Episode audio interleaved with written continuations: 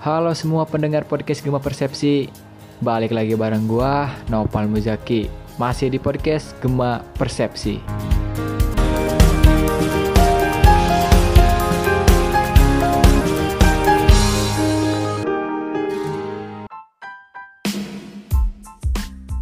Di episode pertama ini, gua akan membahas pemikirannya Yuval Noah Harari soal budaya dan kebiasaan baru yang akan muncul pasca COVID-19 atau mungkin yang sudah mulai menjadi kebiasaan ya. Nah, sebelumnya mau gue jelasin dulu nih siapa itu Yuval Noah Harari. Harari adalah seorang sejarawan sekaligus profesor yang menulis atau mengarang buku Homo Sapiens, Homo Deus, dan juga Twentilation. Nah, di era sekarang ini kan kita masih dalam kondisi pandemi. Namun di beberapa negara sudah mulai beraktivitas dan bekerja secara work from office. Namun mereka juga tetap mengenakan protokol kesehatan.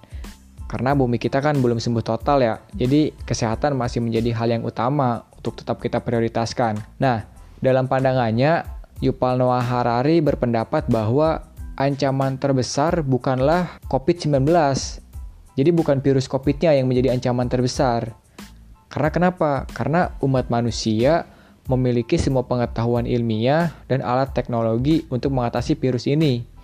Masalah besarnya adalah nirani kita, kebencian kita, keserakahan kita, dan ketidaktahuan kita sendiri. Ya, kalau menurut Yupal itu, COVID-19 ini sebetulnya bisa diatasi karena manusia ini punya pemikiran ilmiah dan memiliki kebudayaan yang maju dan memiliki alat-alat canggih untuk mengatasi virus ini.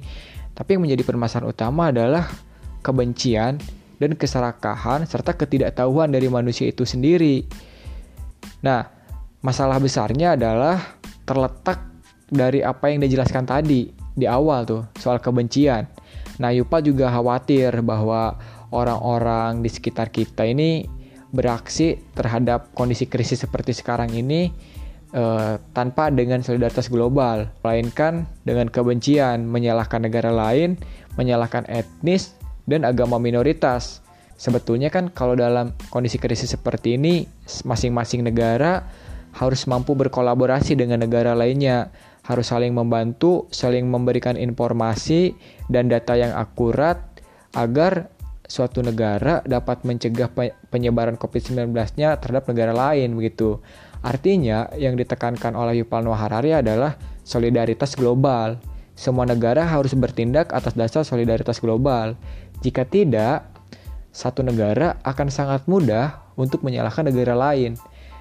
Karena dalam situasi krisis ini, rentan sekali ya negara untuk menyalahkan negara lain. Contohnya kita flashback ke belakang nih.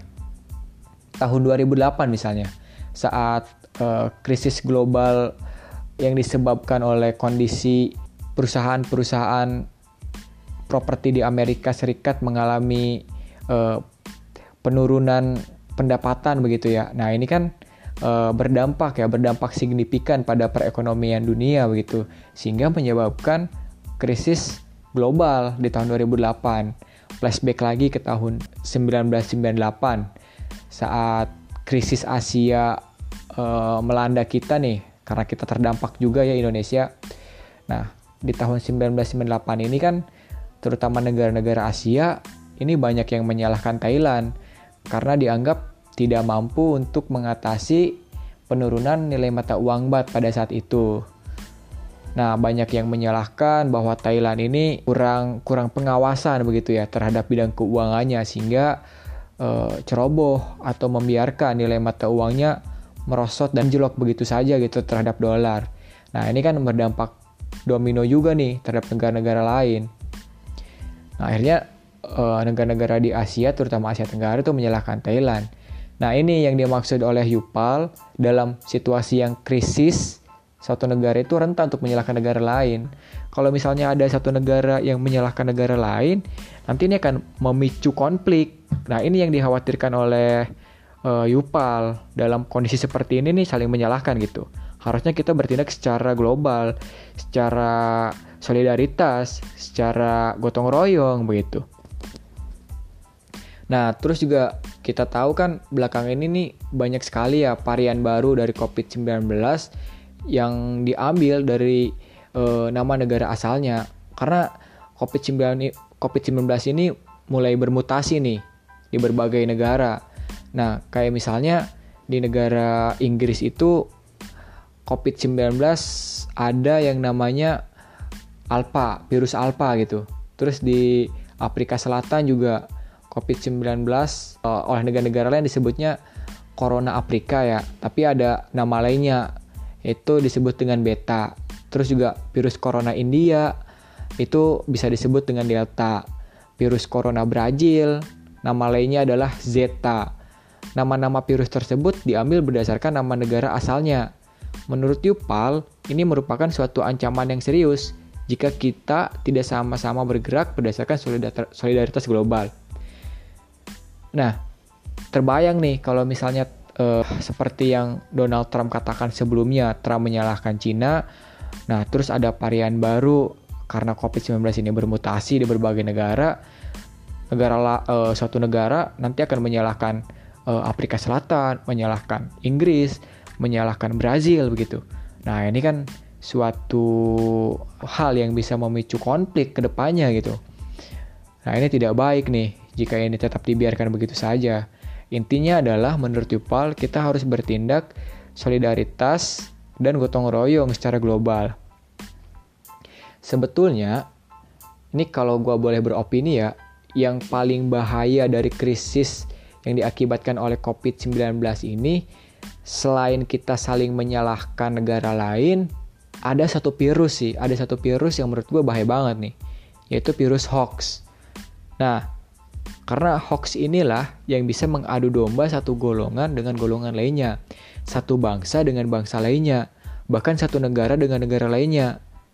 Nah, tentunya kita sama-sama tahu lah penyebaran hoax ini kerap terjadi di internet.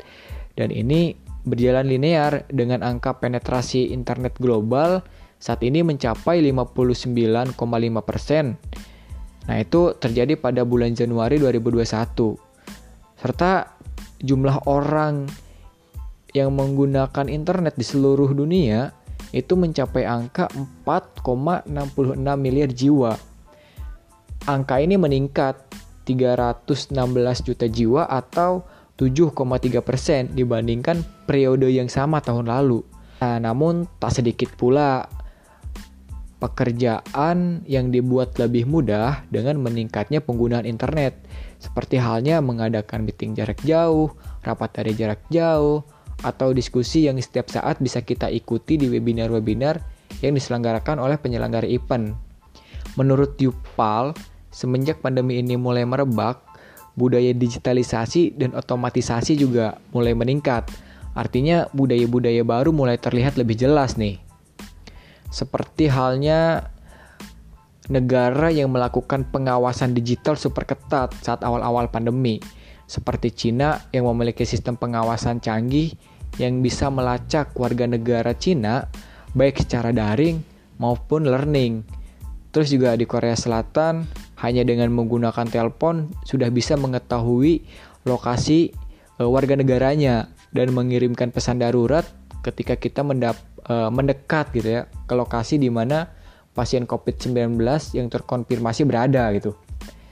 Nah, terus bagaimana di Indonesia? Indonesia juga sudah beberapa kali sih sebetulnya meluncurkan aplikasi pengawasan terhadap warga negaranya. Nah, tapi e, masih banyak nih e, warga negara Indonesia yang tidak menggunakan aplikasi ini karena tidak tersosialisasi dengan baik oleh pemerintah. Kalau gue boleh beropini lagi nih, pada akhirnya kita akan disudutkan dengan dua pilihan kalau menurut gue yang mengharuskan kita untuk memilih, yaitu melindungi privasi atau menyelamatkan kesehatan. Di sini sebagian besar orang tentu akan memilih kesehatan tubuh dong, dan privasi diri akan menjadi korban saat dalam pengawasan di masa pandemi tentunya privasi akan menjadi menjadi hal yang ditumbalkan begitu ya demi e, kesehatan tubuh. Nah, namun yang menjadi pertanyaan adalah apakah ketika situasi pandemi ini reda, kita akan masih tetap diawasi atau tidak? Karena jika itu masih dilakukan, kebebasan terhadap privasi kita akan terancam selamanya. Bukan hanya data kita, tapi aktivitas kita sehari-hari akan mudah diketahui sekalipun sedang di atas tempat tidur begitu. Nah, kenapa gue bilang uh, pilihannya hanya dua, hanya uh, privasi dan kesehatan? Karena jika kita ingin terhindar terhindar oleh virus, logikanya adalah maka data diri kita itu kan harus diinput ya ke dalam berbagai aplikasi tuh untuk mengawasi kita. Nah, data-data inilah nanti yang akan digunakan oleh pemerintah untuk memantau kita, entah entah di mana kita berada, entah aktivitas apa yang kita lakukan, ke zona apa yang uh, kita tuju. Nah, itu kan diawasi oleh pemerintah gitu. Artinya ketika kita ingin uh, terhindar di, uh, serta diawasi oleh pemerintah, ya privasi yang menjadi tumbal seperti apa yang gue bilang tadi di awal gitu.